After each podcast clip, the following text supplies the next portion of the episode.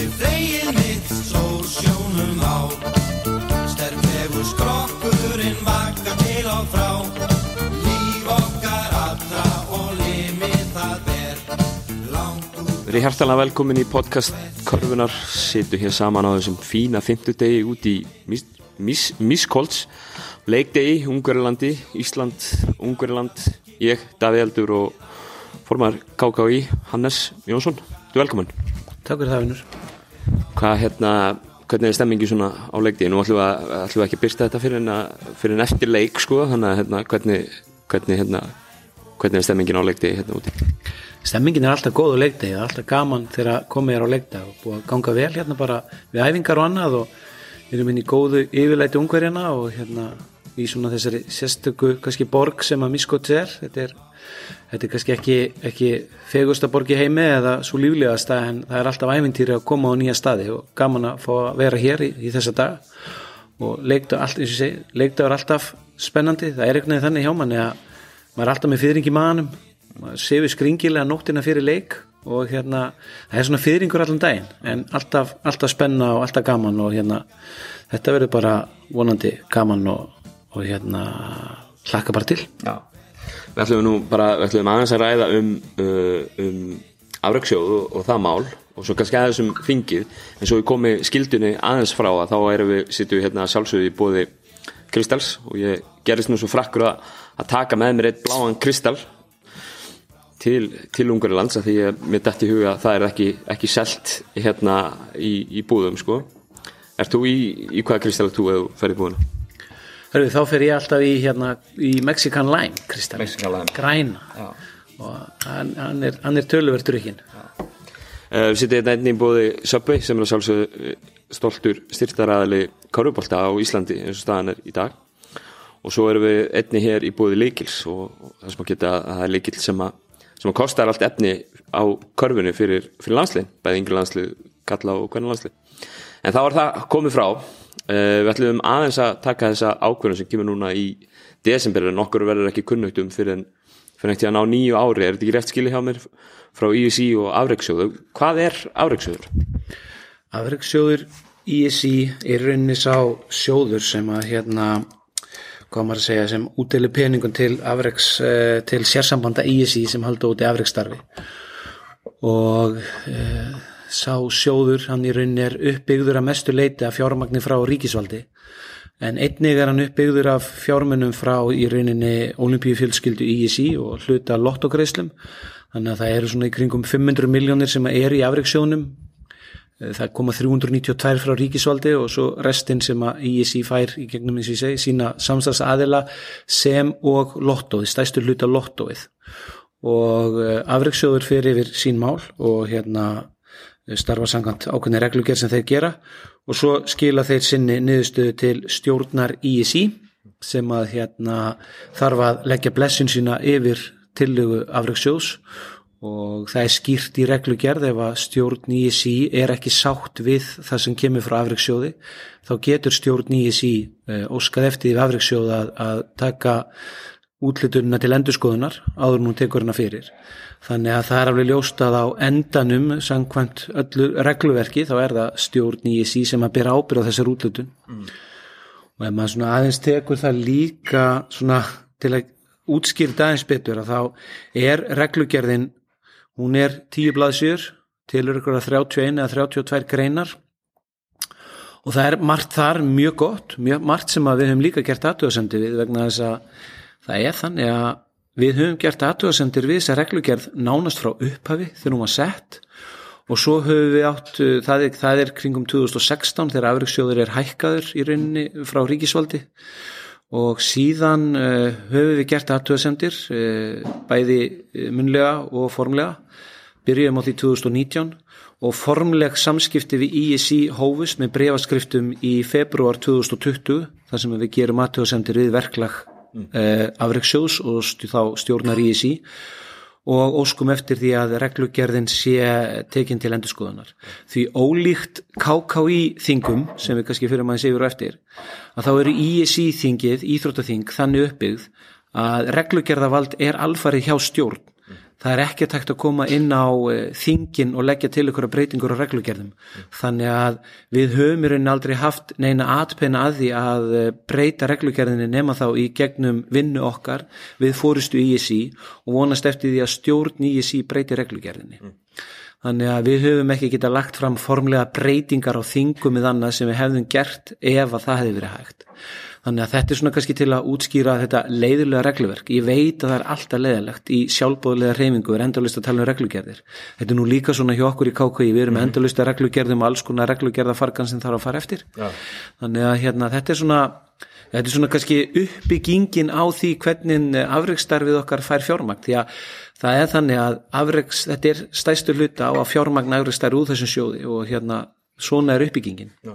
En þetta er náttúrulega ákveðið sjokk fyrir, fyrir, fyrir KKV eða sérst bara fyrir korfnandi sambandi eða vera sett í, í þennan flokk fyrir neðan eða ekki. Ákveður er það gert samkvæmt þessari reglum? Já, það er stóra sjokkið í þessu öllu saman að það sé við séum sett nöður úr því að vera þetta afreiks samband A niður í það að vera sem sagt eitthvað alþjóðasamband B eftir þessari skilgrinningu á reglugjörðinni. Ástæðan er svo að í einni grein þar er stendur það að þú þurfur að hafa verið á stórmóti síðastliðin fjögur ár. Mm.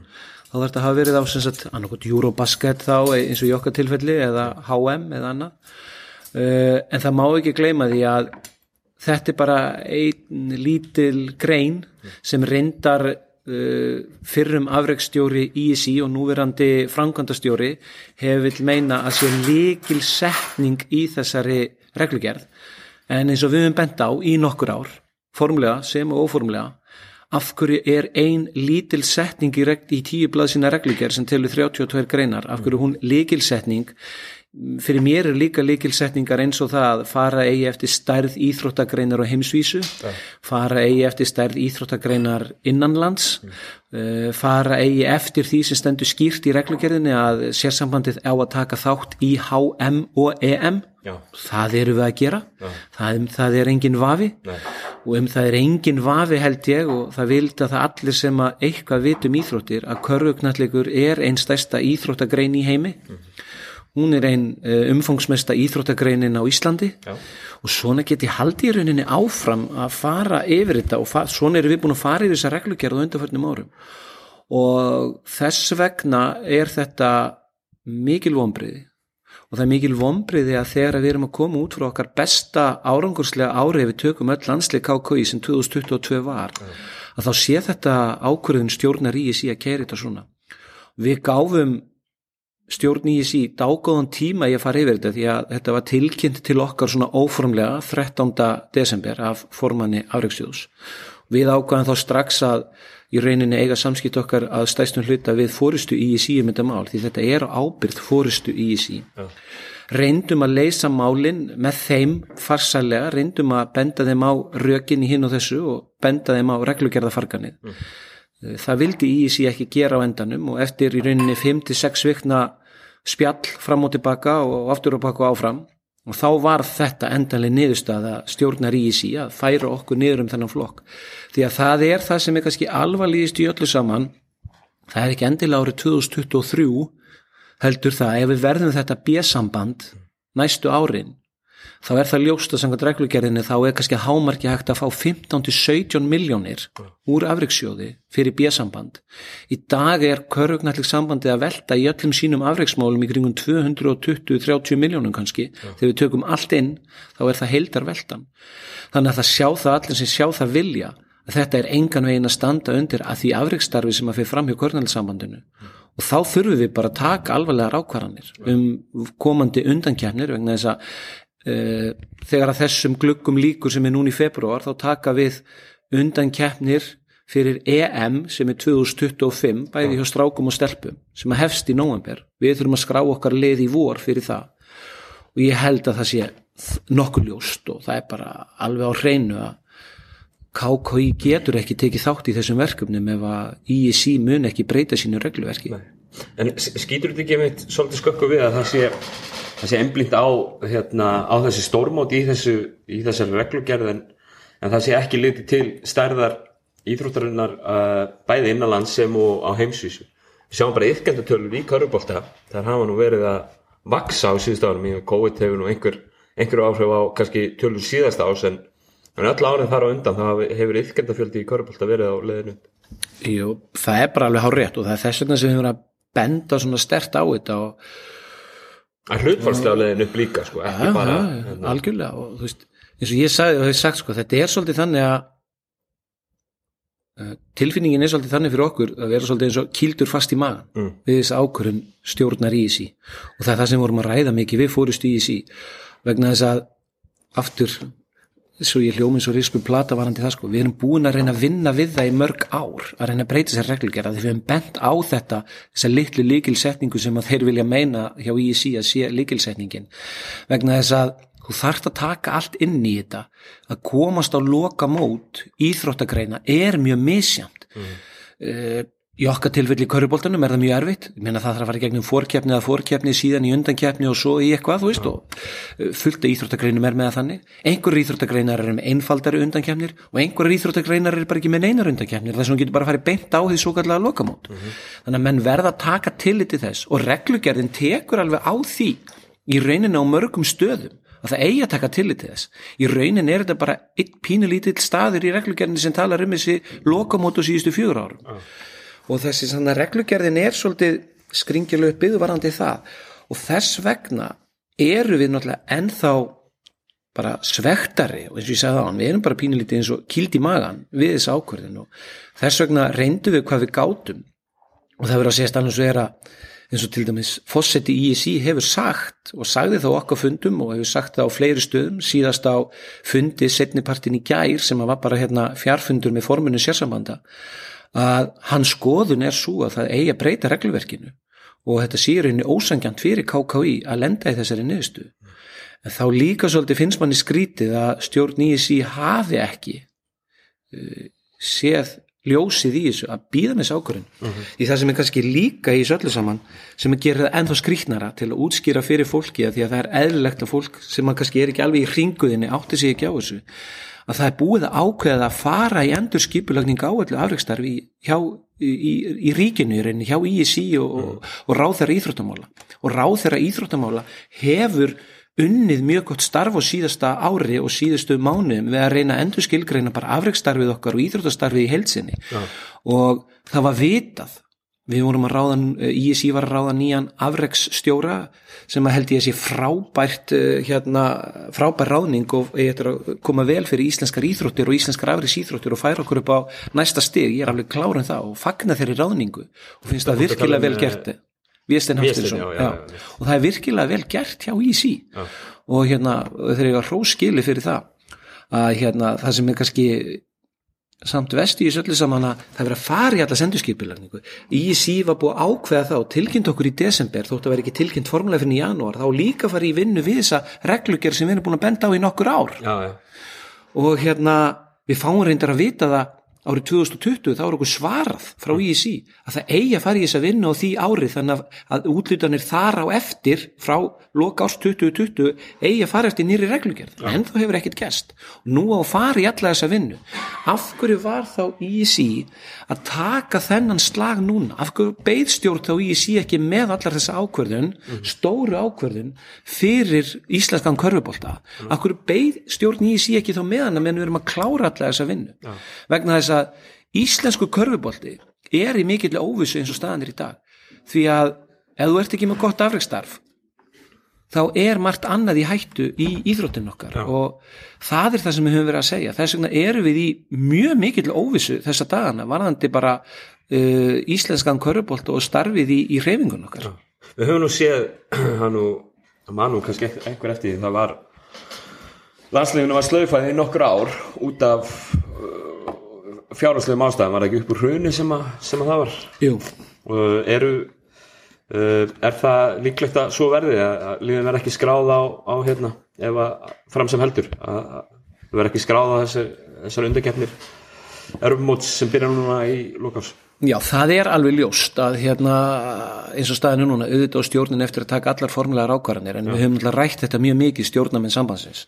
Og það er alveg ljóst að við erum ekki fara að taka þátt. Við höfum bara ekki fjárhaslegt bólmagniða uh, við höfum og undarförnum árum náða rétta fjárhæðin uh, sá árangur sem við náðum körfuboltalegur árangur sem landsliðin okkar náðu hérna eftir að við tókum landsliði niður sem er alveg rétt hjá það sem var, var bara ömurlegt fyrir íslenskan körfubolta. Og A-landsliðin A-landsliðana, yngri, landsliðin. Voru í gangi. Þetta er orðin 13-14 ár síðan. Síðan þegar við komum upp, upp aftur og náðum því mótur lárangur að komast á Júrupaska 2015 og 17 og hvenna leiðið okkar komið á, á enn betri staði í þessum undankefnum, Evrópukefna sem við erum að taka þátt í þá var þetta mikill kostnaður og margir vita það, þá fór sambandið í, í hérna, steifti sér í mikla skuldir. Og árunum 2014 til 17, 18 var bara, eins og ég segi, fjárhalslegt helvíti í gangi hjá sambandinu og ég óska engum þess að ganga í gegnum það helvíti aftur. Það er ömurlegt að vera í þeim sporum að geta ekki staðið í skilum, geta ekki verið að standa í skilum við rekninga og þess vegna mun KKI ekki fara í gegnum það aftur, það er alveg á hreinu. Við höfum náð okkur upp úr því á síðust árum, við höfum náð núna erum búin að rétta af fjárhæn og erum að ná núna í fyrsta sinna vera að réttu megin við nullið og höfum á síðustu fjórundi fimm árum rétta af fjárhæn um tæpa 6-10 miljónir það hefur kostað bara þrek og tár að ná því. Og mikil vinna starfsmanna, stjórnamanna og reyfingarinnar í heilsinni að ná því. Þannig að það er alveg ljóst að KKI er ekki fara í það aftur því miður, þannig að ef að stjórn í sí breytir ekki sínu regluverki fyrir vorið og kemur KKI á þann stað sem við eigum að heima sem eitt af bestu afreikssamböndum sem við erum með á Íslandi í dag þá er það nokkuð ljóst að við getum ekki tekið þátt vegna þess að við sjáum það líka í dag. Og afreiksjóður ISI er van fjármagnar, það er alveg á hreinu og það er eitt af því sem við hefum unnið að líka á síðustu árum að það er að auka fjármagn frá ríkisvaldinu. Og það er mín einlega von að ráð þeirra íþróttamála nái því í gegn með ríkistjórninni að fá meira fjármagn í afreiksjóðin vegna þess að við þurfum meira fjármagn í afreiksjóðin fyrir íþróttir á Íslandi. Og það er alveg ljóst að þegar við fengum 50 miljónir árið 2022 úr afreiksjóði af 220 miljón krónar veldu það dugar engan til veginn til að reka afreiksstarfið okkar Nei, nei. og við erum að verða eftir á í íslensku afreikslífi hvort sem það heitir körfubolti, fótbolti, aðrar íþróttagreinar Já, já. við erum að verða eftir á vegna þess að allstaðar annarstaðar í kringum okkur er verið að gera þetta miklu, miklu, miklu betur. Minna við sitjum, við myndum vilja geta spila fleiri leiki með æfing með hérna yngri landsliðin okkar. Við myndum vilja geta tekið þátt í fleiri verkefnum með karla og kvennalandsliðin okkar á milli þess að taka þátt í EM eða HM að geta tekið þátt í, þú veist, vinátturlandsleikjum og annað, en meira en við erum að gera. Já, veist, við erum að keira á örfáum starfskildum til að reka afristörfið okkar meðan að allar aðra þjóðir eru að keira á tugum starfskilda þannig að veist, það er allt í kringum þetta. Þá er afristörfið okkar van fjármagnað og það er það sem við megum ekki gleyma í þessu samhengi. Og þar hefur verið unnin góð vinna á síðust árum og þar treysti ég á ráðar íþróttamál að koma betur inn. En allt þetta mun ekki hjálpa íslenskum körfubólta ef að stjórn ISI breytir ekki sínu regluverki ég hef nú líka viðrað þá hugmynd í rauninni eftir allt þetta og alla þá vinnu sem við hefum reynt að gera. Hvort í rauninni bara það sé ekki bara besta ráð þeirra íþróttamála þar að segja ríkisvaldið útili þessu fjármagn í stað þess að það eigi heima hjá ISI ef að niðurstaðan er svona. Þess að það er eitthvað skrítið sem er búið að gerast þarna baku tjöldin. Það er eitthvað skrítið sem er búið að gerast varðandi þessa ákvörðin, það verður bara að segja alveg svo er. Er náttúrulega kemur þetta kemur náttúrulega á svolítið skrifnum tíma. Við við erum ekki bara sko mínu mati þá er þetta eitt besta íslenska kallanansli sem, sem að Ísland hefur átt. Við erum, að, við erum með U20 og U18 líð sem eru bæði á velunum palla Europamóti síðasta, síðasta sumar. Uh, kvennalandsliði fyrir upp um tíu sæti á heimslistanum núna í, í hérna á síðasta styrkleikalista þannig að þetta er nú hérna það kemur á svolítið skrifnum tíma líka sko. það sé, þó sé ekki lokamótarna einhvern veginn, að þá, þá er þetta svolítið eins og segir, áranguslega þá eru liðin alveg að ná árangri. Það er, það er málið og þess vegna enn skrítnara og þess vegna er þetta allt svo furðulegt. Og mér þykir leðilegt að segja það það er eitthvað skrítið búið að gerast þarna á baku tjöldin sem við erum ekki alveg vissum það er það er einhver sem að er á bakvið þarna sem að getur ekki að verið en sem óttast framgang Íslands körubolt og hvernig hérna í rauninni hvað við erum búin að vera að gera á síðust árum. Því að körubolti hefur svo sannarlega vaksið vel innanlands og uh, landsliðin okkar hafa ná enn betri árangri. Uh, Íslensk bara öll liðin okkar og allt sem er að gerast í Íslenskum körubolta það er eitthvað skrítið við það að stjórn í þessi taki alltaf þessa ákvörðun vegna þess að reglugerðin sem þeir hengja sig í tekur á svo mörg öðru en bara þessu sem við erum búin að fara yfir. Þannig að allt þetta er ofbúslega sérstakt. Það er ekki hægt að segja og horfa framann í okkur eins og stjórn í þessi reynir að gera eða fórist í þessi og segja bara, veist, þetta er kýr skýrt hvernig þetta er í reglugerðinni. Þetta er ekkert kýr skýrt í reglugerðinni. Nei. það er þeirra túlkun á reglugerðinni þetta sé svona, ég túlka reglugerðinni allt öðruvísi og fleiri og af hverju ertu með tíu blaðsína reglugerð sem telur 32 greinar? Þú ætla bara að túlka eina litla setningu úr henni. Já, það er náttúrulega velur að gera það Þú lítið, það lítið bara að vera. Það er bara valið þeirra, það er val stjórnar í þessi og þess vegna segir það, þú getur hort á allt annað í reglugerðinni. Og þess vegna er svo skrítið sko að taka svona afdrífa ríka ákvörðun út frá þessu eina. Vegna þess að allt sem að þú, við höfum farið hér yfir sem sýnir það hvað íslenskur körfubolti og íslensk landslið samankvörði standa eru á góðum stað. Og það kostar að fara í allas uppbyggingu, það kostar hann á árangri. Og það er morgun ljóst ef við þurfum að bakka þá eru mörg á ríða Íslandi aftur möguleika að horfa á það að fara á Eurobasket eða dreyminum að fara á HM eða stelpunar okkar að fara að komast á lokamót sem við erum að vonast að geti gert kannski í nánustu framtíð og allt þetta. Þá verður þetta ekki. Það er náttúrulega, ef þú hættir þá er náttúrulega þarfst að byrja að byrja Þú ert að byrja í næsta styrkleikaflokk og allt þetta. Algjörlega. Það, það, það, hefur eftir í tekið í Evrópu og um heim allan hvað íslenskur körfupolti hefur verið að gera og íslenskar íþróttir, það vitum við alveg og auðvitað fæ ég mikið til mín í kringum körfuboltan og hvað við erum að gera þar. Að hérna að- og mönnum finnst það mjög sérstakt þegar menn líka vita það að við erum vann fjármögnu líka og við erum að berjast við það bara að geta haldið út öllu því sem við erum að gera. Og ég held líka ofta bara hinn almenni íþrótt áhuga maður gerir sér ekki grein fyrir hvað það er dýrt að halda út í afreikstarri hvað er dýrt að fara bara við tökum flug og hótel og verða af öllum þessum kröfum. Við fáum stundum að heyra hvað við séum hérna að fara margir með landsliðunum og hitt og þetta. En það er vegna þess að það eru kröfur frá sérsambund alþjóðarsambundunum um hitt og þetta. Og KKÍ sendir alltaf lámarks mannskap út, við fyrir bara sangað því sem við getum gert, liðin ferðast bara hínum venjulegu flugfarrimum og það er enginn að kaupa ykkur dýr fargjöld eða eitthvað svo leis uh, þannig að það er allir að reyna að gera þetta á sinn ódýrastan máta en jafnframt náttúrulega þann besta máta sem að hægt er. Þannig að við erum að horfa okkur í einustu krónu þegar við erum að horfa á þetta afreikstar og, og við erum samt að berjast í bökkum við að reyna að halda þess úti. Og þetta er bara blaut tuska framann í íslenskan körfubólta, framann í leikmennin okkar, framann í þjálfarateimin, það framann í starfsmenn, stjórn, eh, félögin okkar, þetta er bara blaut tuska í andlitið eins og þetta virðist bara vera uh, þessa dagana hjá stjórn ISI. En ég vil líka leggja það áherslu að ISI er samt að gera margt gott, þetta snýst ekkert um við mögum aldrei gera hlutina persónulega heldur og þetta snýst bara um það, veist, það er gott fólk sem er í fórustu fyrir ISI og það er öflugt fólk sem starfar hana og, og bæði þarna í stjórn.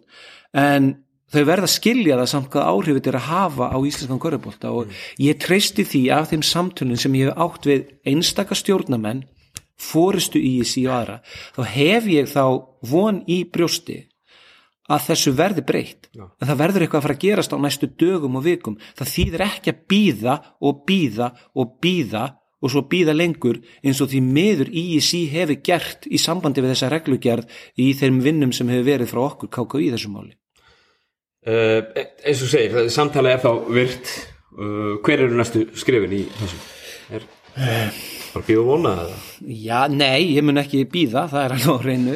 Ég, ég segi, ég verð, ég verð samkvæmur sjálfur mér í því að ég mun halda áfram að berjast í þessu alla daga, allan sólarhingin eða þarf á næstunni, í óformlegu spjalli við fóristu ISI, uh, við uh, þá sem ég get innan þessara raða. Ég mun áframhalda náttúrulega spjallinu líka við ráð þeirra íþróttamála um þetta mál og hvernig við getum breytt málum, hlutum. Við þurfum að halda þessu spjalli en aftur á móti þarf stjórn í sí að fara að gefa eitthvað síðan formlega út til okkar svona ekki í setna en um næstu mánaðamót mánaðamótin februar mass þá þurfum við að vita svona nokkurn veginn hvernig ve- vegurinn liggur í þessu.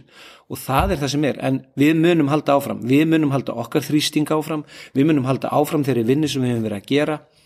Við leggjum mikið á okkur til þess að þetta, í stjórn í sí endurskoðu sína ákvörðun einu get ég alveg lofað að við, munum ekki gefast upp í þessu á næstunni. Höfum ekki gert það á síðust árum og munum halda barátinu áfram.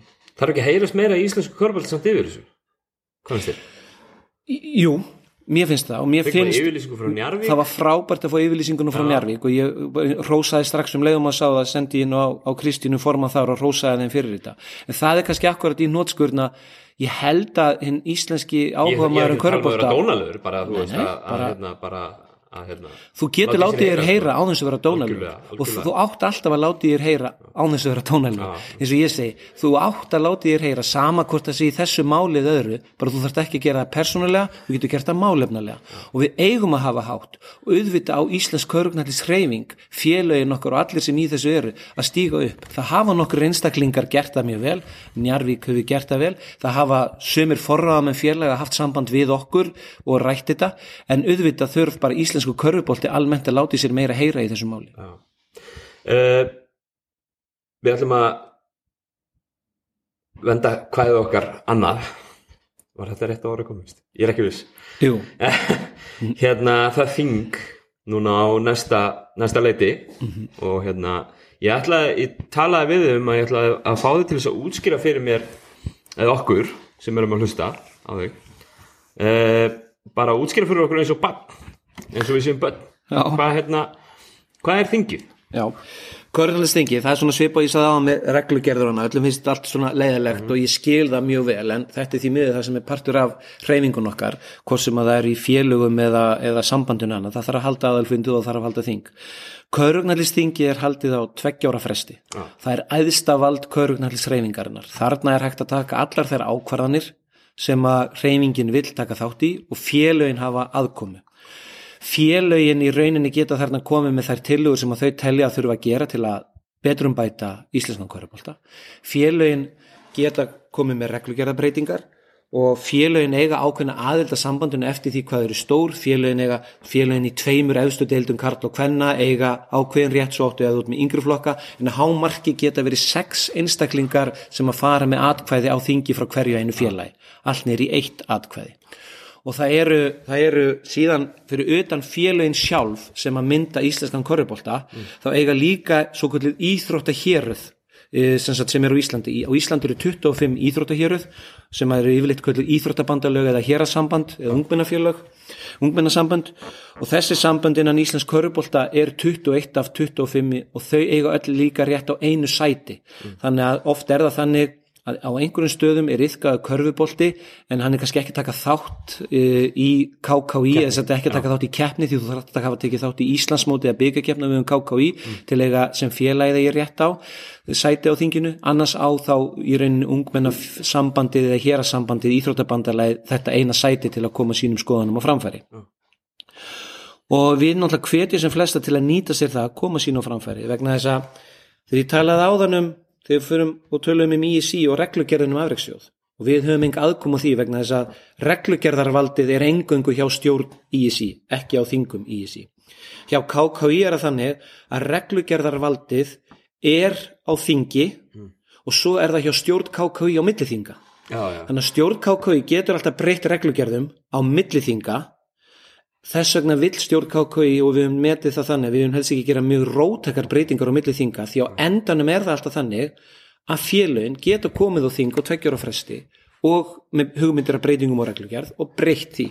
Og við hvetjum alltaf og við byrjum veist, tímanlega að hvetja félögin að huga að því að koma með breytingar að þið vilja breyta ykkur að því að regluverkið, reglugerðinar eh, eru það sem við þurfum að vinna eftir og lög sambandsins ásamt á lögum FIBA og ISI það er það sem stjórnin vinnur eftir. Stjórn, nefndir og skrifstofa KKI vinnur eftir þessum reglugerðum og það eru félagin sem setja okkur reglugerðina. Stundum er verið að svona nýta í okkur með ímislegt en það eru kannski félagin sem hafa útbúið þær reglur og við erum bara að framfylgja þeim. En það er kannski svona það stæsta og svo er það hitt í þessu öllu saman sem ég held að margir áttu sér ekki á heldur sem er útskýrið þetta þegar ég sagði áðan að það eru félögin sem eiga atkvæði stjórnamenn KKI og starfsmenn eiga ekki atkvæði á þinginu. Ég sem formaður og aðri stjórnamenn og starfsmenn við höfum þar málfrelsi og getum tjáð okkur og getum lagt fram tillögur eða viljum en við greiðum ekki atkvæði á þingi sambandsins. Það eru engungu félögin sem greiða atkvæði og þau fara með æðsta valdið í íslenskum körubólta það eru þau sem að geta stýrt því hvað er verið að gera í íslenskum körubólta og setja okkur svona regluverkið. Ég held þetta sé svolítið svona kannski það einfaldasta sem ég get sagt er að félögin þarna stýra þau því hvernig Íslingu körubólta á að vinna næstu árin. Ásamnáttúrulega stjórn KK leggur fram tillögur fyrir þingi líka einhverjar sem félögin getur það nokkuð tapnaði að samþygt en það skiptir máli En Þetta er náttúrulega svo stað það sem að, sem að Körubolt er svolítið, hann er svolítið hannaður, hvernig hann á að vera í kringum þetta og, og í framhaldi af þessu. Algjörlega, og það er þannig, og þann, þannig hefur þetta verið frá því KK var stopnað 1961 að þingið er aðeins af valdið, þingið femur lög og reglur, þingið setur okkur öllum hinum reglunar, saman hvort það sé fyrir stjórn eða starfsmenn eða nefndir eða félagin sjálf, þannig erum við að setja okkar eigin reglur. Og þannig er það forrað með félagana sem geta haft mest áhrif á það.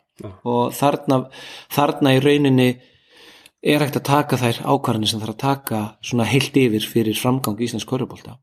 Er ekki núna fyrir þetta þing núna, það er núna í massa ekki? Jú, það er í logmass, 25. mass. Lok mass og þá skila inn tillögum Það þarf að skilin tillögum fyrir 24. februar. februar, já. Þá er það þannig að þá þurfa félagin að skilin tillögunum og þá uh, í rauninni uh, sko, fyrir við yfir það stjórn KKI og er eitthvað sem við myndum hefðum viljað hugsanlega bæta við eða eitthvað að breyta. Uh, og svo þarf að senda út tillögunar tveim vikum fyrir þing til félagana. En það sem við erum að gera líki í þessu til að reyna kannski að gera vinnuna í kringum þetta ennþá betur að við náttúrulega erum búin að minna á þetta þing nokkru sinnum. Við höfum sendt út töl, óf, svona formlega tölvupósta um það að hérna, þingi sé að fara að koma. Í, í gær miðvikudag að þá var eh, 8. februar fór út formlegt þingbóð með öllum upplýsingum en við hafðum bæði farið yfir þetta á formannafundi 7. janúar, við höfum sendt út tölvupóst um að minna félögin á það sem er í gangi og líka ætlum að vera með undibúningsfund fyrir 24. februar þar sem félögin geta þá verið að ræða þær hugmyndir og tillögur sem þau vilja ræða á þinginu síðan tök, verð, verð, tökum við þá og sendum út og hugsanlega reynum að halda annan undirbúningsfund. Þannig í rauninni allir komin eins vel undirbúnir þú getur fyrir þingið. Þannig að menn getur svolítið verið búin að vinna málin að því þingið er síðan heil dagur. Já. þú kemst kannski ekki yfir all mál og þá stundum oft fyrir ykkur hraði í gang og annað og hérna sem þarf að gera. Þannig held ég við getum undirbúið okkur sem best fyrir þingið. Og þeir sem sitja þingið fyrir hönd félagana þurfa að vera vel undirbúnir og, og vera búin að kynna sér vel all mál sem á að leggja fyrir Nú erum við að horfa á þetta, þetta þing sem er núna í mars. Uh, það er nú einn til að leiki varandi eftirdelt hvenna, söpudelt hvenna uh, hvaða fleiri stór mál eru svona kannski það er það mál. Og, og það er frábært og þú að byrta hérna, að tala um, um hvernig svo tillega er og, og meina það er, þetta er akkurat það sem er svo gott að þú veist, menn er að vinna þetta og tilkynnta kynnenda með fyrirvara. Og til dæmis gáttu formin félagana að fengi kynning á þessari tillugu uh, á formannafundinu 7. janúar síðastliðin þetta er akkurat svona sem er svo gott að vinna að vinna þessa tillugu með þessum fyrirvara og spurningin verður þetta endalega samþýtt svona? Með nú taka einhvern breytingum eða hvað það er? Það eru félagin sem þurfa að ræða það og hérna þurfa að skoða það og hérna og ræða það. En hérna eru við tilbúin í það að taka upp tíulega söpvitild kvenna án þess að það hef áhrif á fyrstild kvenna. Eru við tilbúin í þetta fyrirkomulega sem það er? Því þetta er svona ímislegt sem það þarf að hafa í huga þegar það er. Þetta var til að Þetta var áhugaverð til að mjög áhugaverð. og þess vegna segja, þú veist, það er svo gott að fá þetta þá erum við búin að vera kastinni svolítið á milli og allir að spjalla um hana og, ræðana sín á milli því að á endanum er það félagin sem þá þurfa að taka afstöðu til hennar. Uh, það verður náttúrulega rætt málefni elenda leikmanna. Uh, eins og alltaf. Já eins og alltaf. Ég er búin að, ég er búin að setja KK í þing að mörgu finnst öruglega allt og lengi og ég hugsa fáir hafi setið jafnmörg þing frá, síðan frá KK ég held að ég sé búin að setja þing KK frá 1990 öll þau þing sem hafi verið haldin og það er alltaf verið málefni já, og hérna síðan er það þannig að það er þannig að hérna vinnunemt stjórnar KKI sem var skipið í rauninni í janúar, februar í fyrra hún er búin að vera að vinna á kveðmál þannig að koma við þekkjum öll forsögun okkar gerðist í fyrra vor þegar var ákveða að fara í ykkur breytingar og annað sem að maður hefði betur átt að vinna bara betur fyrir þetta þing og annað sem hefði verið miklu betur fyrir alla aðila. En núna er vinnunemndin búin að vera að vinna. Hún er búin að funda með hverju einu félagi og hafa fá skoðun hvers og eins félags. Og uh, þessi vinnunemnd stjórnar sem að þrý stjórnamenn sitja í er búin að vera að funda með félagunum í hérna, í tveimur ræðstu deildum, kall og hvenna og á stjórnafundi í næstu viku þá mun vinnunemndin svona koma með sína tillögu og hérna leggja hana fyrir og við munum ræða það væntalega síðan á þessum undirbúningsfundi sem að verður hérna fyrir 24. februar með félagunum og þá mun einhver til að líta dagsins ljós þá frá, hugsanlega frá ef að stjórn KK í samþykki það sem að ég býst við að verða, þá mun til að frá stjórn líta dagsins ljós á þessu þingi.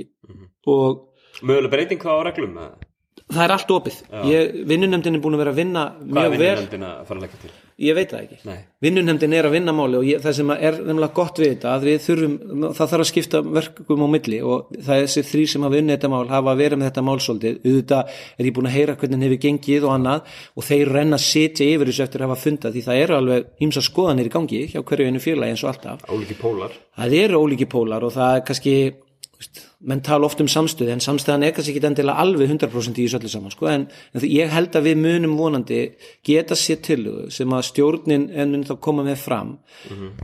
Og það er alveg ljóst að það verð ekki allir sammála tillögunni en ef að stór meiri hluti hreyfingarinnar getur komið sér saman um það þá er það held ég góðu sigur fyrir okkur að sem flestir séu sammála þeirri tillögu. Og ég held að það verða að vera þannig að það verða að vera svolítið stert ef að stjórnin leggur fram þessa tillögu og þá er það þannig að þá mun það vera þannig að hérna að góðu meiri hluti ætti að vera þá á þeirri, þeirri skoðun og hérna vonandi fáum við kannski smá frið varandi þessi málefni erlendara leikmanna í, í eitthvað tíma því að nei, ég, ætl- ég, ég ætla að vera pínu bjassinn á það að það verði kannski friður í tvö ár. Í tvö ár? Já. nei, þetta hefur nú verið, eins og segir, heil lengi partur af þessu, þessu mengi Já. Ég er hann, þú veist mér finnst þetta alltaf ja, áhugavert en á sama tíma pínu letjandi í okkar starfi við sem endalist að velta þessu fyrir okkur þessum málefni erlenda leikmanna.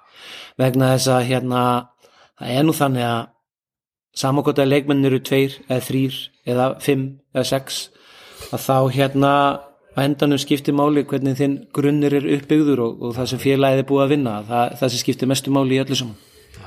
En er eitthvað skrítið að, svona, ef við kemum að þessu frá svona, frá svona stjórnmálafræðilegum pælingum, sko, er eitthvað skrítið að við eigum erfitt með reglur um erlenda leikmenn. Við erum þetta ríki sem er í aðri Evrópu, við viljum vera hluti af evróska efnaðsvæðinu, við viljum ekki vera í Evrópusambandinu, einhvern veginn.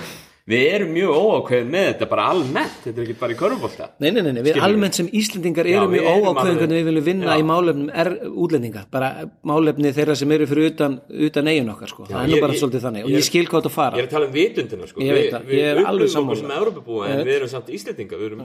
ég skil alveg hvað þetta fara, ég er alveg sammála eins og kanin sem er frá Texas sem flaggar Texas fánanum fyrir ofan bandarinska fánanum eða Mhm. algjörlega. eitthvað, við erum alveg þarna við hefum svolítið erfitt samband við þetta dæmi allt sko. Og svo er það líka þannig að hérna í körubólta, ofan á allt þetta sem þú ert búin að segja, sem ég bara alveg sammál og alltaf geta bæta hennu við og þá er þetta ekki bara á Íslandi þar sem málefni erlendra leikmanna eru alltaf upp á borði, sko. Mér finnst við stundum gleyma því líka. Þetta er alltaf, ég meina við sækjum Norðurlandafundi á hverju einast ári, ég sækjum náttúrulega ymsa fundi til Evrópu mörgusunum á ári. Og hér á það varandi heiminn.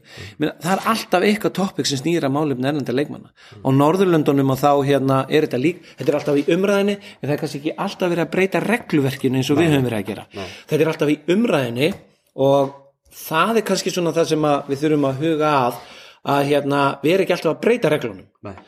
en málefni erlendra leikmann eru alltaf til umræðu og menna velta fyrir sér er þetta satt eða rétt? Og það er pínu lítið eins og á Norðurlöndunum veist, hleyið að okkur fyrir það því ég kem alltaf við skilum skýrslu af okkur okkur einast ári millir Norðurlandana sem að því það er mikið samstarf. Og það er svona pínu hleyið að því alltaf kem ég að þú veist, umræður um erlendra leikmenn stjórnin rætti þetta, félagin er að ræða þetta við erum að gera þetta. Að, þú veist, það eru umræður um þetta en það er ekki verið að taka ákvarðanir nema kannski á 5, 6, 7 ára fresti eða sjaldnar. En umræðan er alltaf mikil í Evrópu um málefni erlenda leikmanna. Við ætlum svolítið að setja punktinn fyrir aftan hér. Það er leikur eftir bara eftir smá tíma. Uh, hvernig fer hann? Aftur, þetta verður byrst eftir að Já, ég held að þetta verið mjög erfiður leikur vegna þess að ungverðinir eru búin að gefa það stert út hér síðustu daga í fjölmjölum og bara allstað sem maður heyrir að þeir ætli sér að vinna okkur stórt til að tryggja sig inn á Eurobasket til að vera örug með það sæti.